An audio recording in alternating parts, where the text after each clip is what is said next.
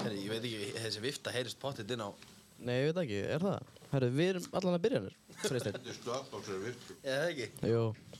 Ef Palli segir að slökka vistinni, þá gerur það, sko. Slekkur á vittinni Herru, Palli er bara að klára að borða og síðan kemur hann. Já. Herru, já, við erum einum podcast og við erum hærtalega velkomin. við erum að taka upp í Greifa-stúdíðinni, sponsorir er psa.is og Partilandi Bartlandi. Bang Um, næst er bara kynnin Palla, en við býðum kannski aðeins með það. Já, já Þið þau.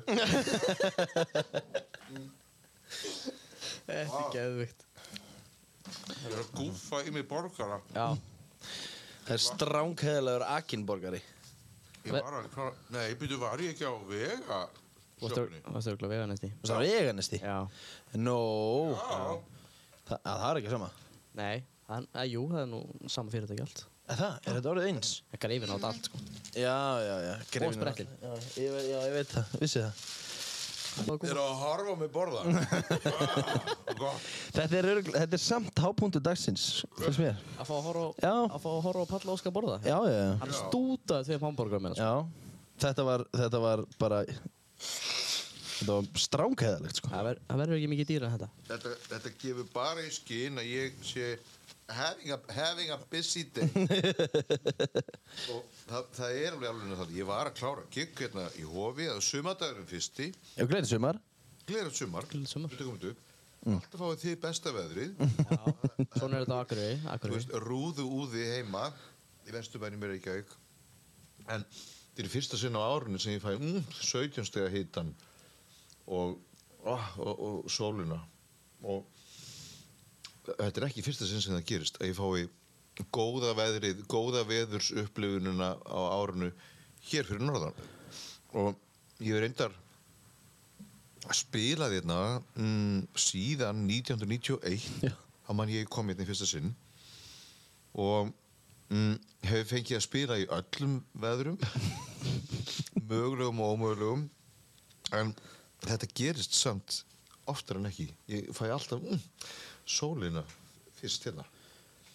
Hún er líka mjög sterk hérna. Ég, ég, ég er að pæla, er eitthvað skýring á þessu? af hverju fáið þið alltaf sól og blíðu og hita? Af hverju er veturinn hérna alltaf hardcore Já. en svo er svo fáið þið meiri hlýjindi á sumrin og meðan við erum bara í einhverjum eilífum rúðuúða? Það er, eh, ég, ég, hef- ég hef aldrei skilið þetta. Það er, veist, eins gaman að er að koma til Reykjavíkur Það er mjög gaman að koma til Reykjavíkur Það er alltaf rigning Finnst mér, alltaf þegar ég fyrir skýring á þessu Það hlýtur að vera veðurfræðileg skýring Já, það lítur að vera, sko. Herri Balli, geti ég plataði að setja þessi heyrntólaði? já mm. Mm. do this Það heyrir betur svona já, hversu langt þú ert frá. Hanna, sko flott Við tókum upp síðasta þátt 16. mars Já. Ó, 2023 á ammælinu mínu? Akkurat Já. Já, við tölum um því í síðasta þætti. Mjög mikið. Um að þú ættir ammali. Já, Ok. alveg óskuður til hamingi með daginn bak og fyrir. Ó, takk. Og nú ertu hér, sem er bara frábært. Það er bara Það var ekki ekki Það er bara næst að skrifa sjálfsögðu. Já, væntanlega. alveg skrifaði skýin. En verður velkomin í Eirin podcast. Takk kærlega. Um, Býttu nú við. Já, já, já. Ég Við, bara sko- fatta hvar við erum. Við hérna viljum vanlega byrja þáttinn á að bara svona svolítið að, að eh, kynnast viðmælanda hratt kannski Já. fatta hvert ég er að fara með þetta já, Já, við ætlum að, við ætlum að henda þér í smá hraðaspurningar Góðar hraðspurningar. Ætlaðu þú að taka þetta, Freysteinn? Ha? Það er ekki bara fínt, eða? Á ég takk það? Já. Já, bara minnsta mál Það er bara frábært. Þú hefur vantilega tekið þátt í nokkrum hraðaspurningum í gegnum fyrirlinni, eða ekki? jú, Já, já skjótu bara Já uh, Hvað heldur þú séu mánulegu hlustöðuna þínar á Spotify?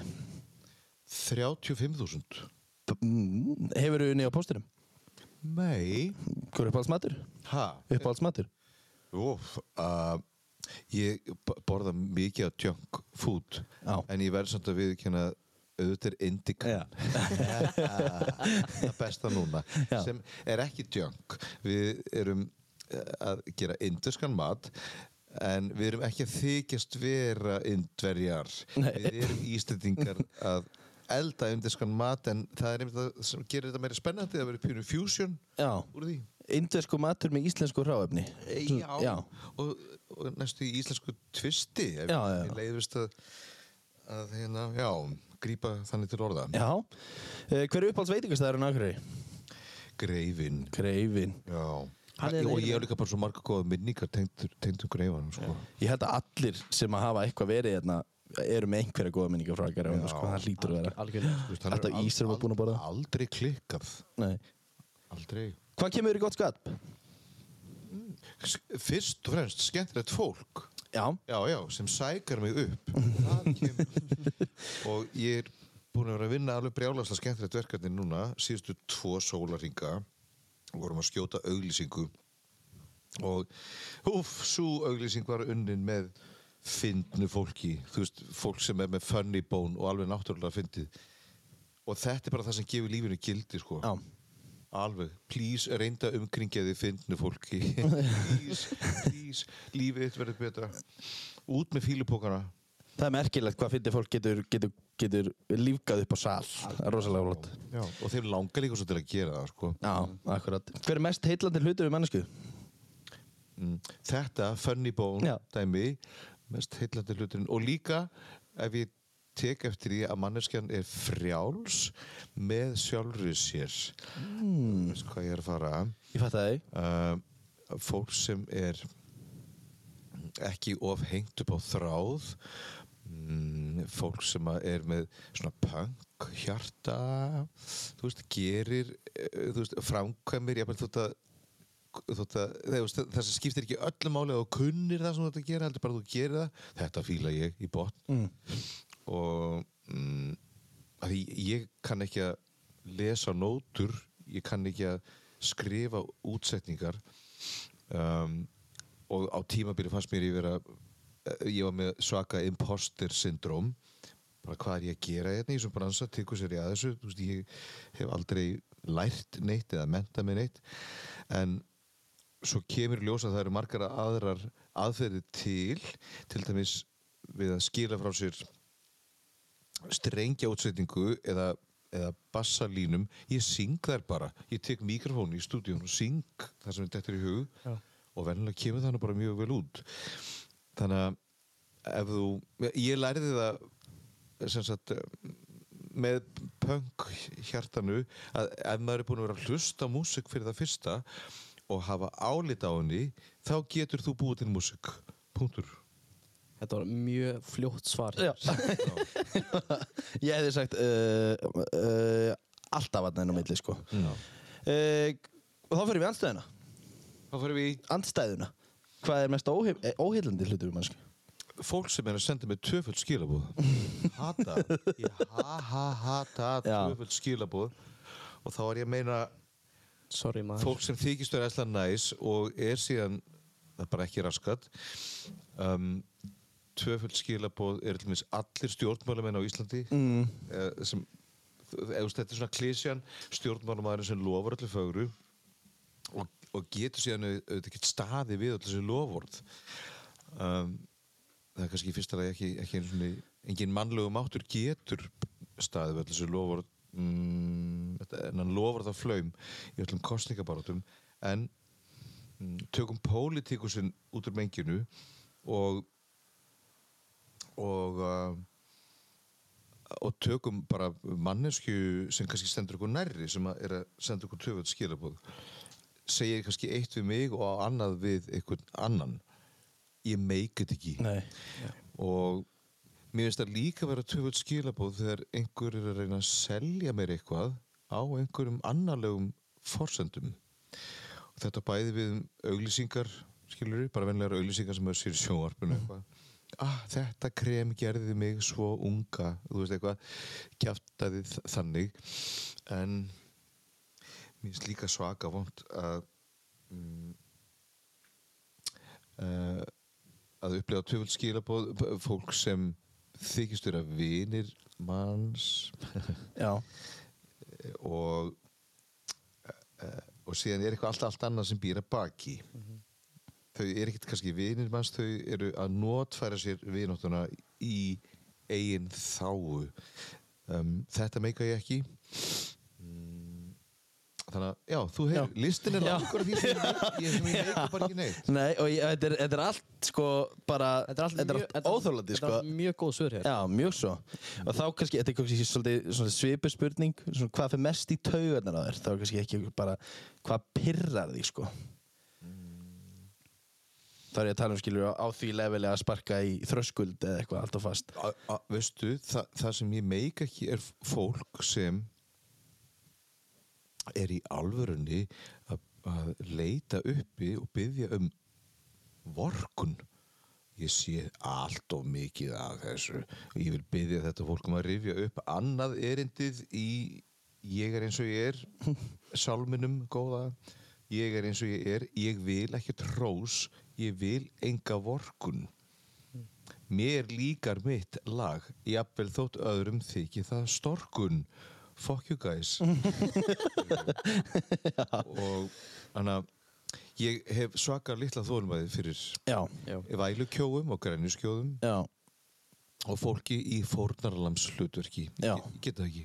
já ég er bara hjartalega samanlega þér um, Ertu á bíl? Já, uh, Toyota redda mér alltaf nýrri kerru á svona tveggja ára fresti ég þarf ekki að gera neitt, ég þarf bara að sittast upp í bílinn og keira hann ekkert eitthvað hashtag samstarf eitthvað. Nei, nei, nei, nei. Nei, og þeir pimpa upp bílana svolítið. þeir reyna að filma þá þú veist, með farlun litum og svona þannig að ég er að keira svona auglýsingu á hjólum já, já, já, já, já. Þannig að en, en krómaða Toyotan til dæmis sko tveim árum eftir að þeir eh, filma þá bílana þá taka þeir bílana aftur tilbaka að því í raunin er ég að kera bílalegu bíl sko. Já, og þeir taka bílana aftur tilbaka og selja sem notaða bíla. Þannig að ég veit ekkert hvar krómaði bílinn er. Þannig að, já, ok.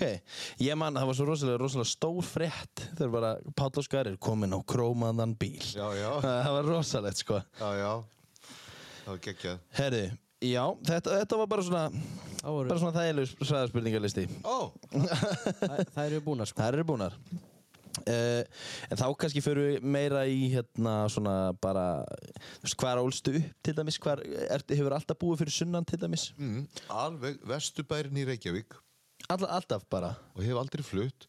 Ég reyndar náði að komast á laugaveg 30B that's it. Ok. og ég var þar bara í þú veist smá tíma það var kannski hálft árið eitthvað slags en annars hef ég alltaf verið í vesturbænum, elst upp á Solvallagutunni og en núna fluttur á í skjólinn og ég bý eiginlega bara við hliðin á Káarvellinum Já, ég er einst mikill já. og hægt er þótt ég sé ekki að fylgjast með káar eða ég reyndar veit óskup lítið um íþróttir já. uh, En ef að K.R. og Valur væri að spila þá myndir þau hallast að K.R. já, ég veit það ekki ég, ég, alveg hef ekki hugmynd Nei. en ég meina, ég er vesturbæðingur og, og það veit svo til að káar er þar Já, akkurat, það skiptir ekki máli hvort þú sért fyrir Vesturbænum hvort þú er með K.R. eða ekki uh, Þannig að hva, þú, það eru hvaða skólar er, er, ekki lækaskóli í Vesturbænum? Nei, ég byrja í já. Þá staðsettur í gamla stýrimannaskólanum við Öldugötu hann var stundu kallaður Öldugötu skóli mm. og fyrir þaðan um, yfir í Hagaskóla og fyrir þaðan yfir í MH Þú ert í MH, og ég útskrifaðist aldrei úr MH af því ég vissi hvað ég ætlaði að verða þegar ég er stór og þarna á þessum árum þegar ég er í MH 86 til 90 uh, mikið vildi ég óska þess að eitthvað af öllu þessu bröldi sem að var að gera eftir skólatíma mikið vildi ég óska þess að það hefði verið metið til eininga þá hefði ég útskrifast sko. og ég er mjög gladur yfir því að sé eh, að, að staðan sé eh, mikið breytt núna í dag. Ég var um daginn bara að dæma í lagasmíða keppni fyrir uh, krakka á mentaskólaaldri sem er í MIT þetta er alveg bara massíft tónlistarnám í, sem er í FIH þar að segja í rauðagerði. Og þetta er metið e, e, e, að mér skilst eins og mentaskólanám og það var bara laga smíða keppni. Þú veist að það sem ég og Elin Ey og einn annar gaur um, vorum bara fyrst og fremst að hlusta eftir laga smíðunum en ekki endilega eftir í hvernig það væri flutt. Svo var þetta bara svo brjálagslega verið flutt líka. Já, já, já. og ég mm, flashbackaði svolítið. Eh, æ hvað það hefði verið gaman þegar ég var 16-20 ára að hafa fengið svona mm, Að taka þátt í svona já, svona, svona Já. og líka og að er þið metið til eininga Var ekkert mikið afsvoleiðis þegar þú varst í mennskóla? við fengum bara kórin Já. kór mentaskólan sem Hamralíð metin, við fengum eina einingu á önn fyrir að vera bara í þeim kór um, en ég tók þátt í öllu sem að ég mögulega gat sko. ég notaði þenn, þennan mentaskóla bara eins og feim skóla. Og var í leiklistafélaginu öll árin Já. kórnum líka. Uh, skemmti nefnd, ég var auglýsingateiknari ég var í vídeofélaginu mm, og lagningadaga um, það, eiginlega allt þetta sem ég er að tellja upp já, ég var í rítnefndin líka beðinveitum Þú varst bara í öllu og þess vegna þú veist um, lærði ég óskup lítið í skólanum svo sem eða veist ég lærði alltaf bara nóttina fyrir próf Já. og fekk fimm Já. og skreið að því ég var nógu góð til þess Já, akkurat uh, en mm, ég vissi alveg hvað ég vildi verða þegar ég er stór sko og ekkert af þessu námi sem að vera að bjóða upp á þarna síð var eitthvað sem að uh, heitlaði mig eða svona fristaði mín. Ég veit að núna í dag að ákveðnir mm, veist, það hafa allir gott af því að læra mannkynnsögu og allir hafa gott af því að læra fleiri en eitt tungumál. Allir hafa gott af þessu. Uh, nú er ég í þeirri stöðu 30 árum eftir að ég er í mentaskóla að nú er ég kynnast mannesku sem talar bara spænsku og ég verð að bjarga mér einhvern veginn, ég verð að grípa í 30 ára gömlu spænskuna sem að ég lærði í MH ég tók spæ, spænsku 60 lærði þetta þar mér gekk á, ágætlega á prófunum en svo þurfti ég aldrei að nota þetta þegar ég fór til Spánu eða Suður- Suður-Ameríku. Ég slapp alltaf með enskuna. Núna er bara engin miskun, núna verð ég að tala spænskuna og hvað gerist það opnast bara eitthvað gat í maganum á mér. Það vellur upp á mig spænskan. Ég tala reynda spænsku eins og kannski fimm ára galt spænsk barn. En ég get samt gert mér skiljanlegan sko. Og ég er alltaf að læra eitthvað meira og meira á hverjum þessu degi. Og þannig að ég er að segja ykkur það líkamsminni it's a thing. Það er alveg ótrúlegt og munir þetta ennþá Allan eitthvað sko. Það er crazy. Þú veist, og hvað ég er snöggur að læra meira að því núna í dag eru komin upp uh, eins og hvað þetta er du- dueling? Duolingo. Duolingo Mjög gott. Uglan og Duolingo. já, já, Já. Duolingo.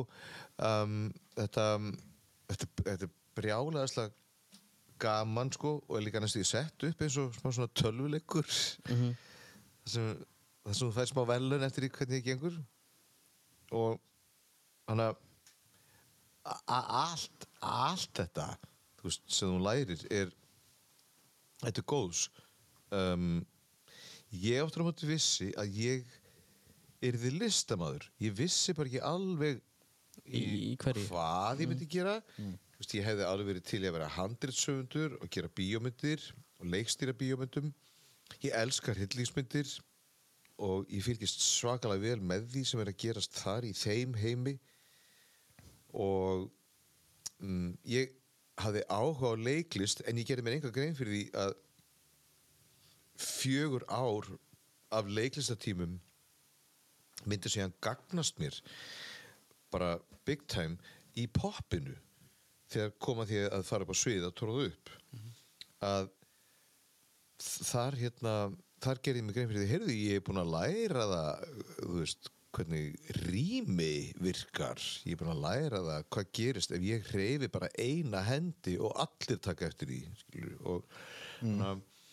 leiklistar þjálfurinn sem ég fæ í MH gagnaðist mér síðan í popinu það gerði líka það að vera í skemmtinemnd og undirbúa böll og dansleiki lagningadaganemndin skilur að undirbúa ívenda Guðmund Almáttur síðan þurfti ég nú allir sem var að halda ívenda sjálfur. Einhverjum og sérlagi á NASA árunum. Uh, og þannig að þið sjáu hvað það dansar allt saman saman.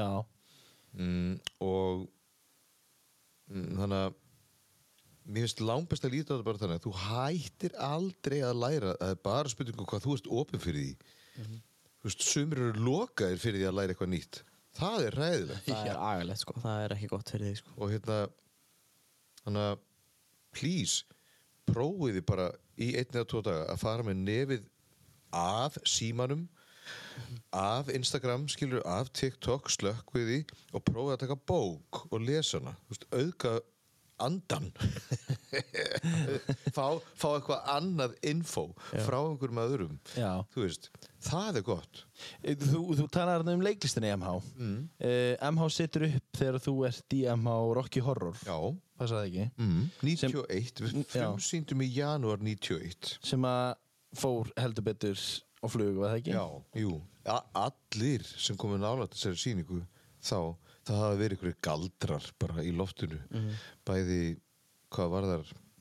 Þetta fólk sem var í MH frá 86 til 90 og svo þetta krú sko reynda þá voru við krakkarnir um, ég, Steinu Þóralds og Breki Karlsson sem vorum þá í leiklistafélaginu við vorum að reka þetta áfram með harðri hendi. Við fengum sem sagt fagfólk professional fólk í öll hot til að leiðbjörn okkur og hjálpa okkur uh, pró leikstjóra búningahönnuð leikmyndahönnuð ljósamann, hljóðmann en hljómsveitin sjálf og allir performeratnir, allir sem voru á sviðinu það voru við krakkandir og Já, bara eitthvað galdur í þessari sýningu. Galdur líka að fá að vera inn í Iðnó Já. sem var þá eh, svona að niður hvað, hvað getur sagt? Komin í svona hálfgerða niðurlýslu Hann er komin að niðurlótum um, en það gerði sýninguna bara veist, þetta þetta shack þetta, þetta, hús sem var í rúst í rauninni, þetta passaði fullkomlega bara svona já. eitthvað ákveði andrumsloftur og lappar inn í lobbyið bara eitthvað svona lyktinn og svona Já. eitthvað, já.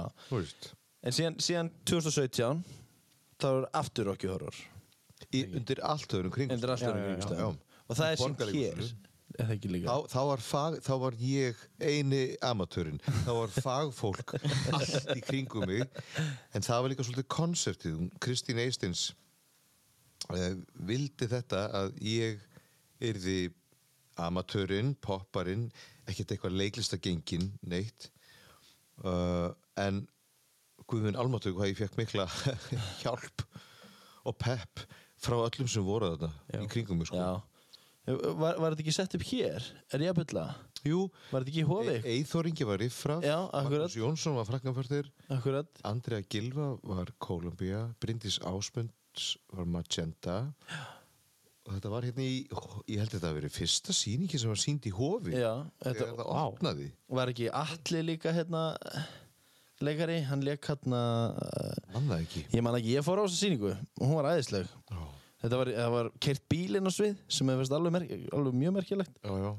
og geggjað sko. Sko það, það er verið að sína Rocky Horror einhver staðar í heiminum núna.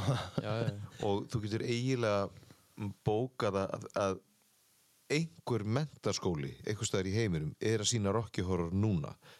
Að þetta er frábær síning fyrir mennskjælinga að díla við.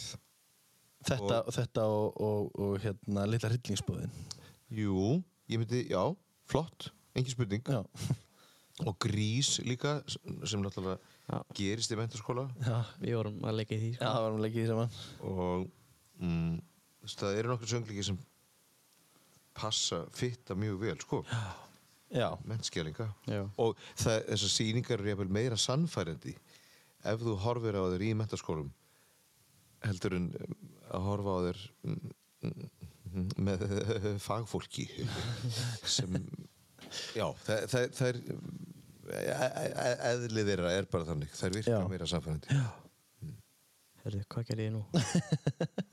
það er alltaf gott að heyra þetta Hva, Slokknaði þig? Hvað gerir ég? Nei, ég var að íta okkur og það fór allt allt í vitilsíðan hjá mér. Hæ? En getur ekki, getur ekki klift saman? Jú, jú, jú, þetta, þetta kemur. Byrðu hérna, hanna, ég fann þetta. Herðu, á ég að taka næsta Já, platan? þetta er næsta. Herðu, fyrsta platan er komin náttúrulega út 93. 1993. Já, fyrsta sóloplatan, já. Já. Veist, Er það þar sem þú byrjar söngverðliðinu? Í rauninni þá byrjaði pop-rugglið þá en, en rugglið byrjaði aðeins fyrir sko að ég myndi segja að rugglið hafi byrjað nefnilega með Rocky Horror þannig að 91 í janúar og ég gleymi því ekki þegar við leikópurinn fórum í Hemmagunn þáttinn á Rúf og tókum eitt lag þar það er að finna þetta á YouTube sko en þá ég man að þegar ég kom heim eftir hennar þátt að því að hann var alltaf í beitn útsendingu þátturinn síminn byrjaði að ringja og í rauninni sem betur fyrir þá hefur hann eiginlega óskup lítið stoppað síðan. Og mm, þannig að Rocky Horror var svo, svo sannarlega stökkpallur út í eitthvað og meira.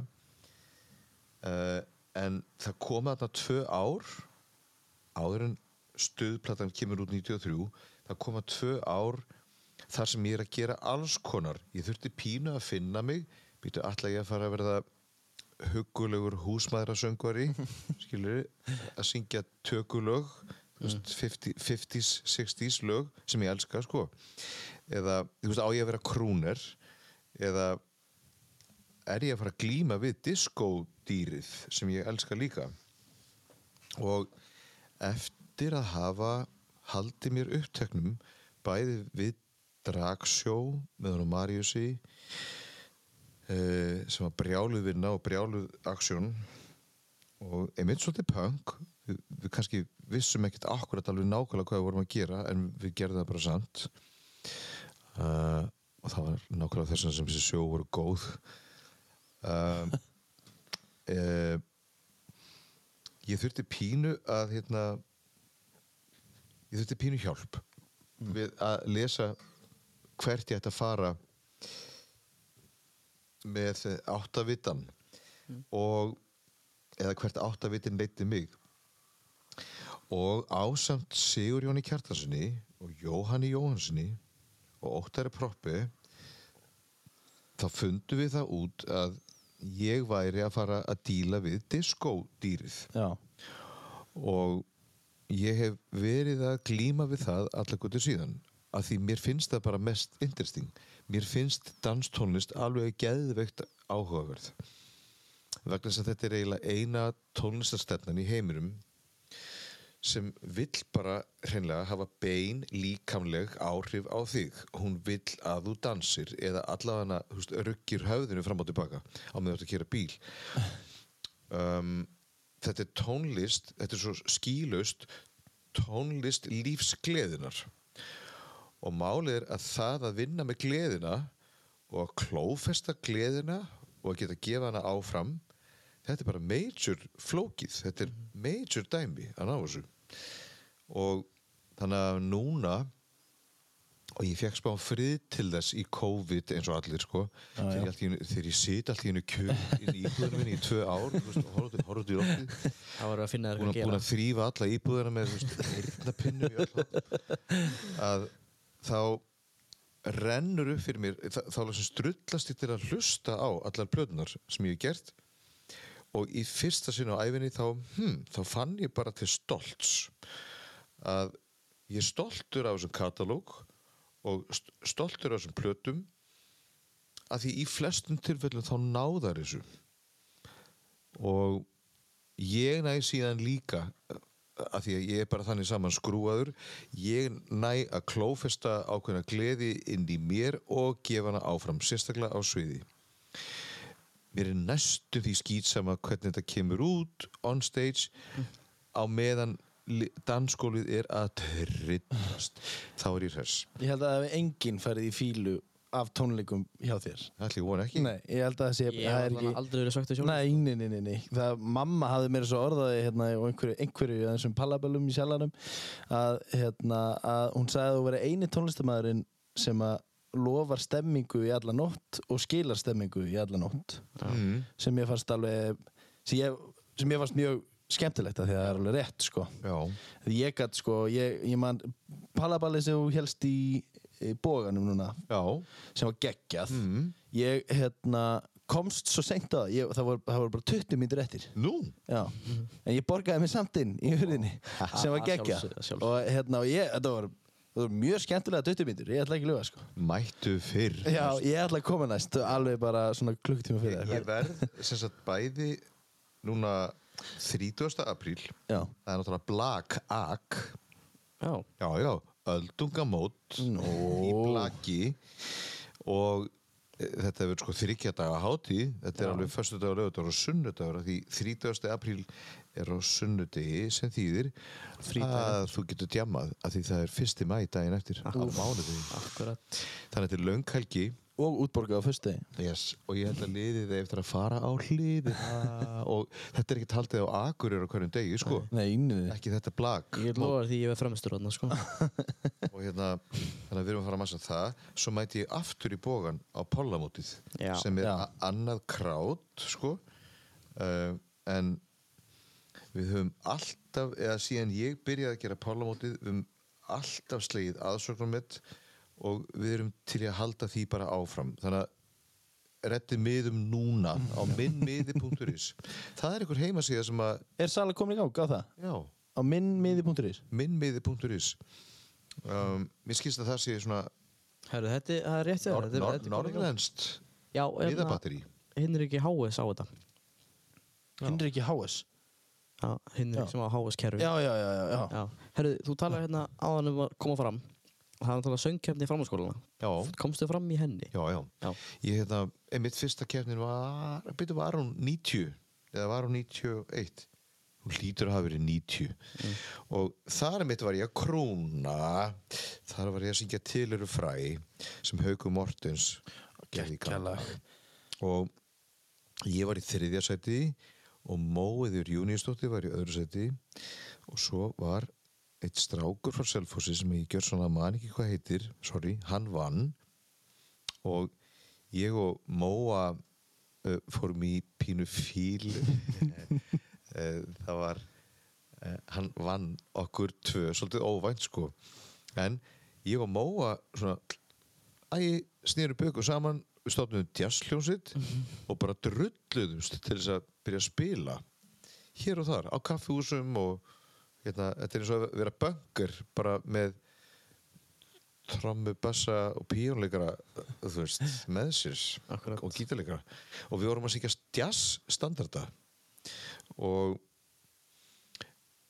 ég mm, þreytist ekki á því að segja þú veist, þeim, þeim sem yngri eru og langar til að hérna, feta þessa braut uh, ég mæli með því að fólk taki þátt í öllum þessum keppnum sem hægt er að taka þátt í.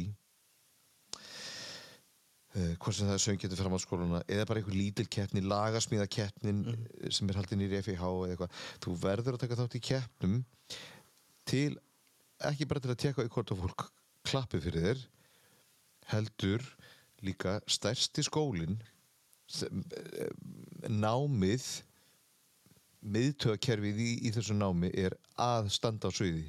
Mm. og aktuali halda á mikrofón, aktuali syngja í hann og lestu þig á meðan. Lestu hvað gerist í skroknum að vera á meðan. Mm, vegna þess að mm, ef, það, það, það skiptir mig engum máli hvort þú sett með sterka rödd eða loftkenda rödd eða mér er skýtsama hvort þú sett Whitney Houston, Amy Winehouse eða rappari eins og Tupac eða Byrnir mér er skýtsama hvert sjanrað er. Þetta er allt saman spurningum að þú sért alltaf að segja satt. Ekki reyna, einmitt þess að ég var að segja ekki reyna að selja liðinu eitt eða neitt. Trúðu mér á meðan þú segir satt þá mun liðið klappa fyrir þér. Mm. ok, nú getum við sest niður og hérna og, og spáðið býtu er, er hérna lög eins og bum bum bum I want you in my room sko. Svona Geggjað lag. si- sil- silly pop alveg. Hva, hver er sannleikurinn í því? Og ég get svarað tilbaka er það bara heilmikill sannleikur í því vegna þess að þegar þú syngur bum bum bum I want you in my room ég skal lofa því það gerist eitthvað hjá áhórandunum jafnvel þótt að sé imbarhollur eða, eða þá honum líður eins og að það sé eitthvað silly í gangi yes, þá ertu búin að klófesta the silliness. Og við þurfum á því að halda að vera pínu silly á og til. Það er nóg af alvöru gerðnum fólki að úti líka. Og mm, þannig að ég er mm, ég hef litla þólumæði fyrir því að það sé verið að taka músík sem sagt genre að það sé verið að taka ákveðna tegundri tónlistar og hampa ákveðinni tónlist og henda hinn í ruslið. Þessu er ég svo langt frá því að vera sammála að því þú hefur ekki hugmyndum þetta er svo huglægt listform þú hefur ekki hugmyndum hvaða hughrif búm búm búm eða í lari lari ég þú veist, kveik, þetta kveikir í fólki skilur einhver svona taktur sem að grípi mann algjörlega sko. Já, og líka, sjáðu, gott, gott dæmi í Larry A. að í Larry, R.E.A. með Siggu Beintins er stærri hittari núna heldur en hann var gamla daga. Ef þú setur þetta í gang? Já, það er vegna þess að allir sem eru núna á djamminu voru börn þegar þeir heyrðu þetta og þau eru að trillast yfir því að hafa verið börn þau, þau heimsækja barnið í sér aftur. Og þetta er ómetanlegt ómetanleg upplifun sem er ekki hægt að gera lítið úr. Og svo getur líka orðið fyrir crazy hughrifum veist, af bríeti þar sem hún byður kúrekanum að anda rólega og, hérna, og syngur um esjuna. Brjáluð hughrif að því hver einasti kjaftur á þessu landi tengir mm. veist, skílaus tenging. Þetta er það sem ég að reyna að gera líka. Ég að reyna að tengja mig við áhörðuna allavega að tjekka á því hvort er skinni mig, er það skinni mig? Og stundum gerist það og stundum ekki. Það er allt í lagi þótt að gerist ekki alltaf, það er ekki til neinn uppskrift af einhverjum hitturum. Ég er ekki, jú, jú, ég, ég hef verið heppin og ég á nokkra hittara en ég kann samt ekki uppskriftina að hittara ef ég kynni uppskriftina þá hefðu öll lög sem ég hefði gefið út orðið hittarar en þau eru það bara ekki neitt.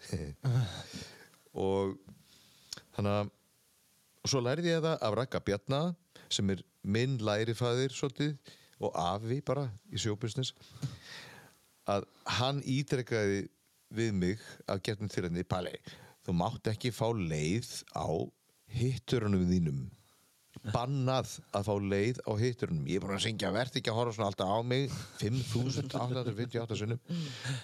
Og þú veist heldur að ég megi fá leið á þessu lagi? Nei, þetta lag mun fylgja mér. Þetta lag er sko komið inn í miðtöðkerfi á mér.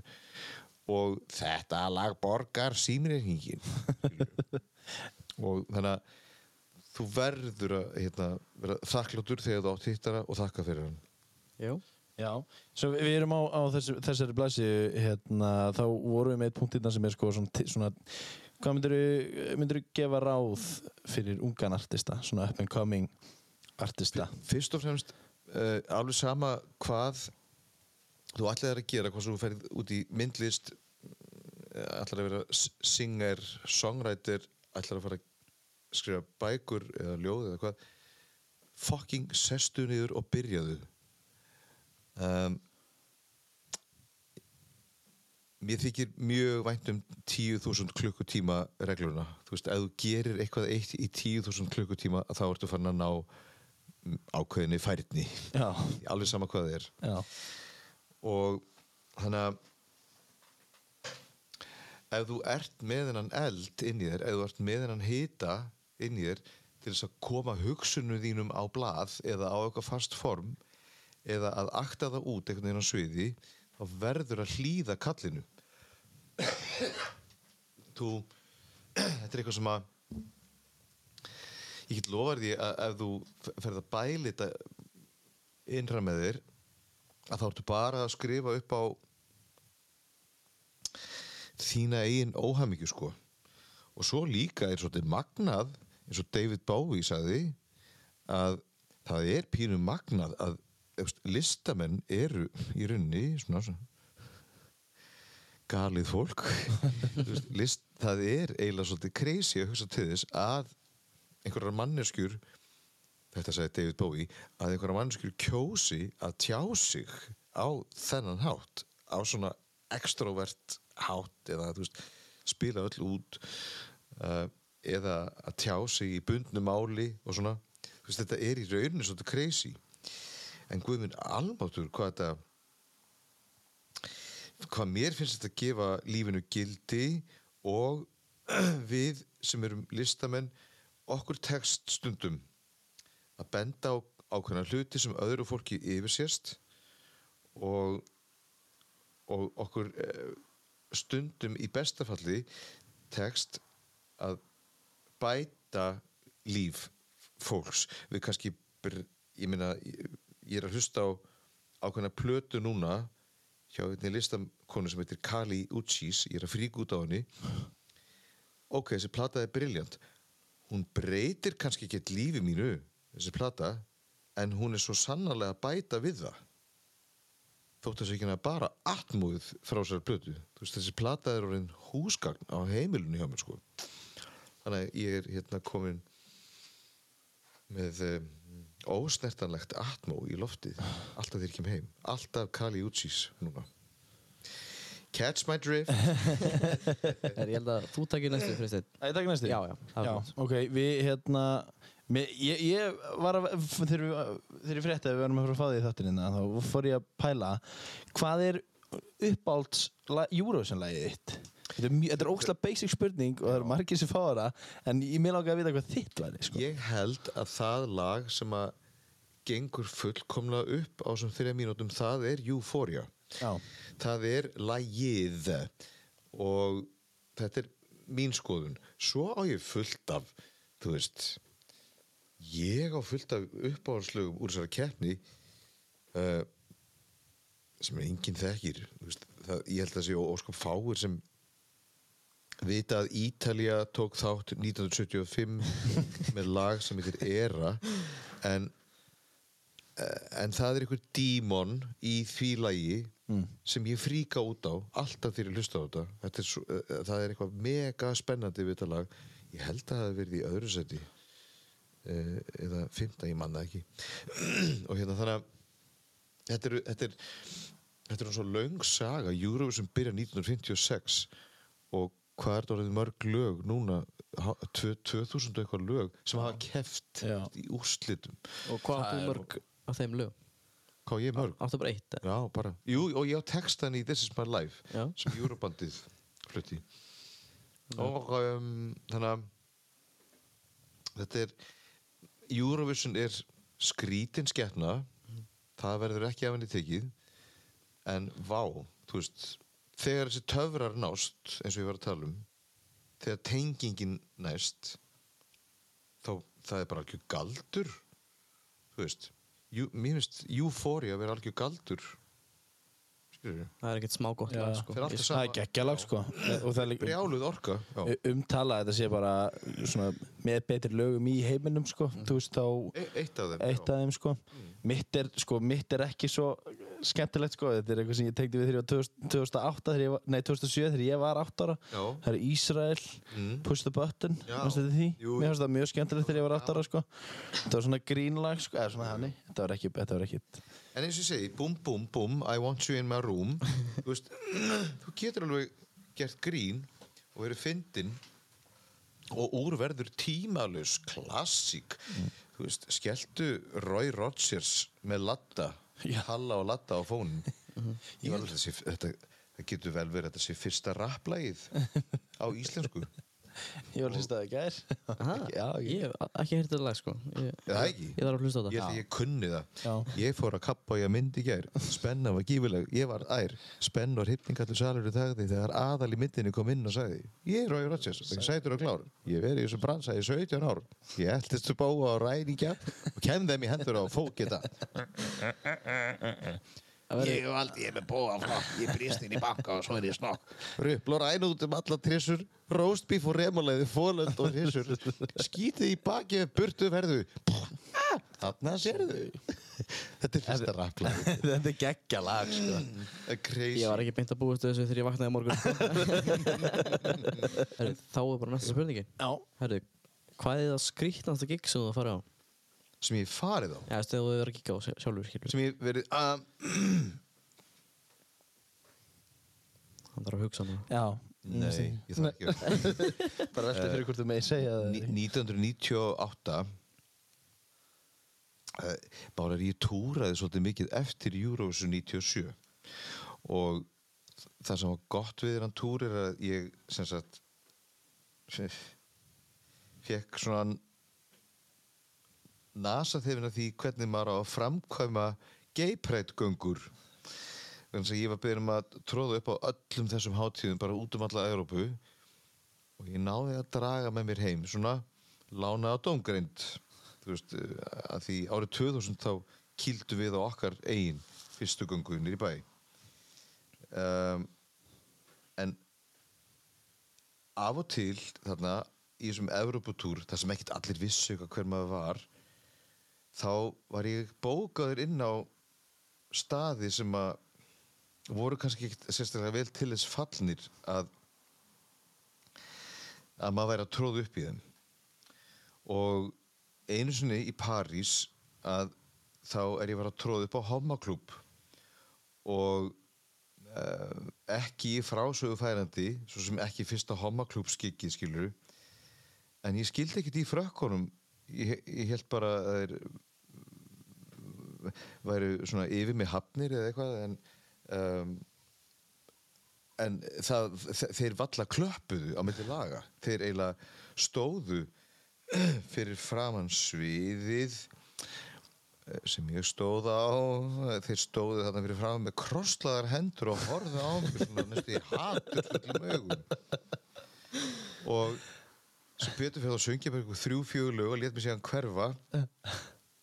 Og þá fattaði ég okkur þau voru svona brjálæðir ég stóð upp á svona tré einhverjum hlem sem var búið að skuttla yfir ákveðið gat í gólfinu. Gatið voru sagt var inngangur niður í kjallara kjallaratröppur. Og elsku kynvillingarnir gátt ekki beðið eftir að komast þetta niður til þess að fá sér að ríða. Ég stóð ofan á gatinu og hindraði hindraði mest að stuða ég beðið eftir þess að strotning frá Ísland myndi hætta. Og hérna kvöld enda með því ég fór bara með henni í kjallara Vá, þetta, þetta var allan að skýt Já, ég getur eftir ímyndið mér að vera að syngja og performa og það stendur einhver engin þarna. áhuga á því að heyra mig syngja eitt eða neitt ég söng einhvern annan söng Með þarna. krosslaðar hendur og það stara á því Herðu, Eh, ætlar þú að taka þetta? nei, þú taka Ég þetta. taka þetta, herðu, þú ert náttúrulega 53 ára og þú ert ennþá að gigga fullu Næsta spurning er bara, hvernig ferðu að þessu? ég hef alltaf verið svo heppin ég, ég fæ nú alltaf sjö tíma svefn Já, sjö helst áttu tíma svefn svo upp, upp, á síðkastið. Ég fór reyndar ekki í neitt gym fyrir en ég var 27 ára. Ég steig fæti fyrst inn í gym þegar ég var 27 núna þá er ég á þjálfara í World Class þrísæri viku og lifti en stundum getur þetta verið alveg fjögur gig á viku þannig að það er óþarfi fyrir mig að vera eitthvað að fara út að hlaupa og brenna. Ég Já. gera það aldrei ég, að því eitt gig er eins og einn mjög góður aerobik tími Já, þannig að ég er stundum í fjórum aerobik tímum á viku. Og svo bara þarf ég að pa passa upp á það hvað ég til dæmis er að fá mér að borða.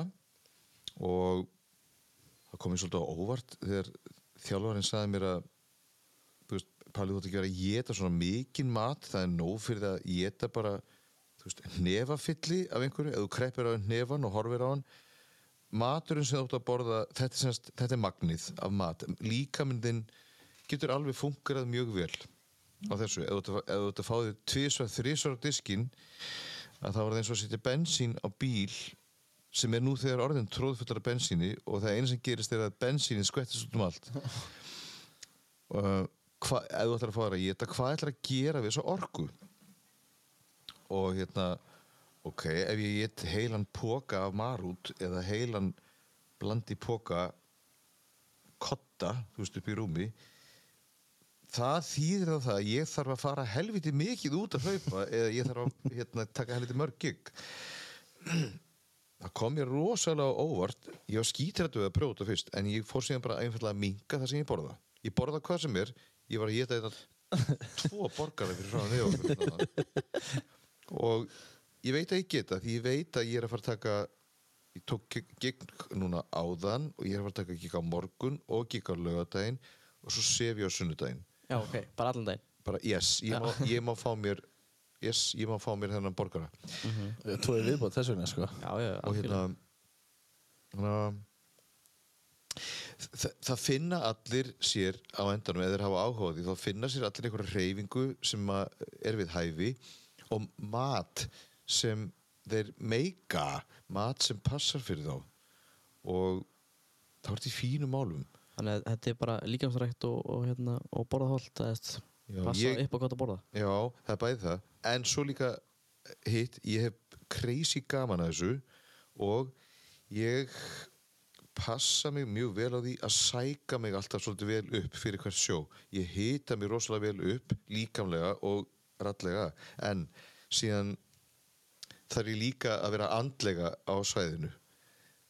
Og þannig að ég hef ákveðnar aðferði til þess að eins og ég segi sæka mig upp. Passa því að vera jákvæði, passa má því að vera í góðskapi sko, og það alls saman. Svo gerist alls konar galdur líka þegar sjóið fyrir í gang. Þá kemst ég í gott skap Skilurðu? Já uh, mér, Núna, hver er tónlistasmekkurinn Hvernig er hann? Og hefur hann mikið breyst frá því úr stungur Nei, sko ég man þetta sjálfur mér þegar ég var krakki þá hlustaði ég á allt ég er svo heppin að vera yngstur á sjö sískinum og Bara svo steinar já, Já, er það? passar já. Hvað sjö sískinni? Flott. Heyrðu, hvað hérna gerist að því ég er yngstur að þá voru öll mín sískinni að hlusta sitt hvora tónlistina skilur eitthvað spurning um að búa sér til identity skilurðu. Já. Þannig að ég fekk í stuttum að heyra allt alveg frá blötu barsminni pappi og mamma voru klassíski, klassíski söngurar þannig að klassíkin og óperutna voru í gangi. Dittu var á sínum tíma alltaf að hlusta á vísnasöngkonur voða mikið á heipa tímabilinu. Joan Baez og Joni Mitchell flotta gælur Linda sýsti var að hlusta á Kate Bush og Pat Benatar og þannig flotta gælur Matti Bróði var að hlusta á Herb Albert og trompetamúsik hann lærið á trompet í smá tíma. Attökunarbróði var allir í rockinu og stundur svolítið hefi rocki. Mm, alveg þungarokki, já. Hannastina sýsti mín var öll í nýbylgjunni og svona svolítið krefjandi músik og skapandi. Það hefur bara verið öll- öll Ástís, sýsti mín er diskodýrið ég smitast af diskobakteríunni af henni. Það var ekki eftir snúið. Nei, það var ekki að snúið. Og þannig að sem betur fyrir ég hef alltaf sem getað hlustað á allt eh, í, í raunni ég, ég skil alla tónlist en diskóið er mitt. Já, diskóið er dýrið sem að ég vil glíma við. Akkurat. Þegar ég hugsa disco þá hugsa ég bara palla sko. Já, Já, ok. Já Gorgeous allan legin Já. Já. Fögur lítil disco dís Ó, Það er skemmtilegt uh, Þú veit þessi spurningu eða ekki? Herra, jú, þetta er eiginlega bara spurning frá mömmu sko hérna, Mamma spyr hvenær kemur pallabókin og ætlar að gera Sko. svo líka mér langar alveg að skrifa bók jú, jú. en mér líður eins og ég sé nú ekki að orðin alveg nógu gamall til að skrifa bók ég held þið þurfi fyrst og fyrst að vera 60 ég þarf að fá svona conclusion já, svona niðurstöðu í ákveðna hluti áður en ég get byrjað að skrifa. En ég get lofað því að ég mun skrifa. Mm. Það og, kemur. og þetta verður að koma frá mér. Það Já. er alveg ljóst. Þannig að þú ætlar ekki að fá neitt svona ghostwriter Nei, það, það aldrei að ganga upp. Það ykkur það strax. og hérna, þannig, að, þannig að það kemur bók. Fólk er líka búið að spyrja um hvenær kemur söngleikurinn bara Páll Óskar the Musical. Það var ekki ekki að söngleikur Ég var svo fljótur að koma með það, sko. ekki bara söngleikur byggður út frá þínum lögum. Það var ekki ekki. En veistu, þar verður það sama að gerast. Fyrst verður að koma bók. Já. fyrst verð ég að skrifa niður mína eigin sögu þú veist, með mínu eigin orðavali. Uh, og mm, svo getur ykkur kíkt á þá bók og aðtugað hvort það setja vinna einhverja leikgerð upp úr henni hvort það setja vinna söngleik upp úr bókinni eða sjónvarsþátt eða bíómynd en rétta rauðin er þessi. Fyrst verður að koma bók. Já, Fyrst bók, Skil ég. síðan söngleikur. Já. Það er allavega nóg framöndur hjá þér. Já. Já, já. Það má segja það. Við eigum, sko, þetta er mjög heppileg tímasending. Þú ert, þú ert að fara að Chicago í kvöld. Yes. Já, við ætlum að, það er núna bara komið að síðastu punktinum. Og það eru Instagram spurningar Ó. Við- Akkurat, Það eru Instagram spurningar Herðu, ég er með hérna frá því gær. Já, ok. Þessar tvær hérna. Já, þú mátt taktu þær. Herðu, fyrsta spurning er bara frá að ég segja nafni eða hvað það mm, Nei. Nei, nei, nei, þurfum ekki Herðu, bara hvernig kom það til að koma í þetta podcast? Það vildi svo til að ég var að fara að syngja hérna í hofi á sumundaginn fyrsta og það vildi svo til að þú bara greifst í skottið af mér. Notaði tækifærið. Ekki fyrir sko. Já. Og svo bara hérna, er þetta að fara að keila hvað færir á pilsu? Með öllu, snið það ekki Ég fæ mér pulsum, pilsu, pulsu með öllu og miklu sinnebi Já, Bang það er ekki ekki Er, er eitthvað sem þú trættu við? Sko, ég er búinn að díla við voða mikið af því sem ég var hrættu við. Já, uh, ég held að ég sé komin á þann stað að ég er ekki hrættu við neitt. Uh, þú veist, ég, mm, þ- ég er á svolítið skrítum stað núna því að nú er ég hann 53 ára og núna er fólk sem ég þekki persónulega byrjað að týna tölunni. Núna eru vini mínir byrjað að deyja. Já. þið eru ekki konur á þann stað en þó og ég, ég vona allan ekki. Uh, og þegar fólk sem er þér nákomið þegar það byrjar að deyja frá þér þá fer maður að hugsa svolítið sinn gang. Veist, við hvað er ég búin að vera að gera í lífinu og jari, jari, jari og við hvað er ég hrættur og ég er búin að komast að ég er til dæmis alls ekki hrættur að deyja við deyjum öll og um, og meiri segja ef að ég, ég, veist, ég get að bóta götu orðið fyrir bíl ef ég myndi deyja núna þá var ég bara samt sáttur sko ég er búin að lifa brjálaðislega skemmtilegu lífi Já. og brjálaðislega sko, aktífu og skrautlegu og ég er búin að hafa geðveik áhrif á fullta fólki og að, lífið mitt hafði mestu áhrifin á mig sjálfan sko. Og, mm, þannig að ég er svaka sáttur og það er gott að finna fyrir því að vera ekki hrættur við neitt eða hrættur um neitt. Svona óþarf að eyða puði í það sko. óþörf eðsla á orku sko. Eh, Hvaða, mér finnst þessi skemmtileg. Hvaða pallaball er erfitt að toppa eins og staðin er í dag? mm, pallabölin á gamla NASA og gamla sjálfanum það er mjög erfitt að toppa þau. However þá á ég nokkrar minningar sko Já, sem hérna mm, ég á nokkrar slætsmyndir í hausnum á mér sem að fara ekkert þaðan. Þú veist, ég mun aldrei gleyma einmitt Rocky Horror í MH 91 ég mun aldrei gleyma útgáfu tónleikunum á stuðplötunni í tunglinu 93 Eh, ég mun aldrei gleyma því þegar miljónumærikarnir fylltu perluna árið 95 sumar 95 ég mun aldrei gleyma því ég mun aldrei gleyma Eurovision 97 ég mun aldrei gleyma fyrstu geiprætgöngunni sem var farin árið 2000 það var meiri háttar moment sko. Það var í fyrsta sinn sem við fundum fyrir því að þessi, þessi barátta hafi borið einhvern árangur. Uh, ég mun aldrei gleyma allt fyrir ástiðina tímabilinu 2007 Mm, Ég mun aldrei gleyma tónleikunum með Sinfo sem ég fikk að gera 2011 uh, Ég mun aldrei gleyma heyrðu aðeins fyrr var, ég mun aldrei gleyma comebackinu 2008 á þjóðáttíð í eigum það var crazy gig Já. Já.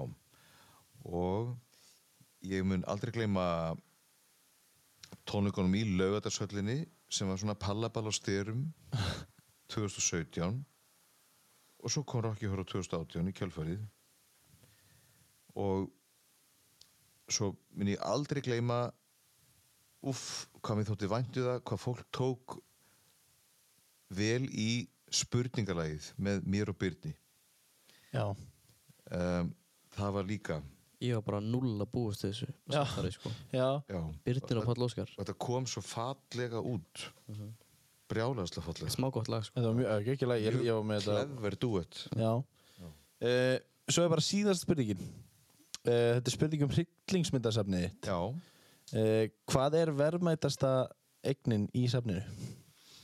mm, sko. Þá bæði tilfinningarlega og bara ég var að fá sko, ég reyndar á print af original Star Wars 1977 ég á sagt, print, filmuprint heima. Já, sko þar sem hann solo skýtur fyrst. Og þeir sem eru nógu miklu nördar Star Wars, þeir vita hvað ég er að tala um núna. Og að því George Lucas fór að fykta í Star Wars myndunum bara strax á 1983 eh, bara því hann vildi það og bara því hann gata og bara ég á þetta, ég má þetta. Já, en að horfa á þetta print af Star Wars er gullsíkildi finnst mér hér er alveg ljóst hvers, hvers, hvers slags þrek virkið þessi mynd er í alvöru. Og að því hún var gerð í rauninni á svona B-mynda budgeti sko. Það er bara crazy að hún hafi tekist að klambra þessu saman sko og hann að þetta print stendur mér alveg ákvæða já, stendur mér nærri. Já Í Original George Lucas Filmuprint. 1977 Það er filmuprint. Gali sko. Ég get rétt ímyndað mig hversu mikil verðmætti eru í því maður. Og hérna, Hvar fegstu það? ég fann það á eBay. Já, já. Að sjálfsögðu. Það er allt til á eBay. Já, já, Herðu, vístu þú talaði svo fallega um spurningalegi já, Fæ ég leiði það að enda á því bara? Já geru það Já, það er leiði sem Heyrðu þetta ekki neitt Þetta er frábært Veitu Herðu, tölum bara aðeins áfram Já. Chicago, það er frábært Það er örgulega, er hérna já, ég hlaka ekki. Margir, það er örgulega fullt í kvöld eins og vanlega Ég þakka bara fyrir mig. Já. Bara takk kjalla fyrir að koma Palli minn. Yes, mín var ánægum Já, takk fyrir. Takk fyrir Ég slekk á símanum mínu Bara svo að þú veitir það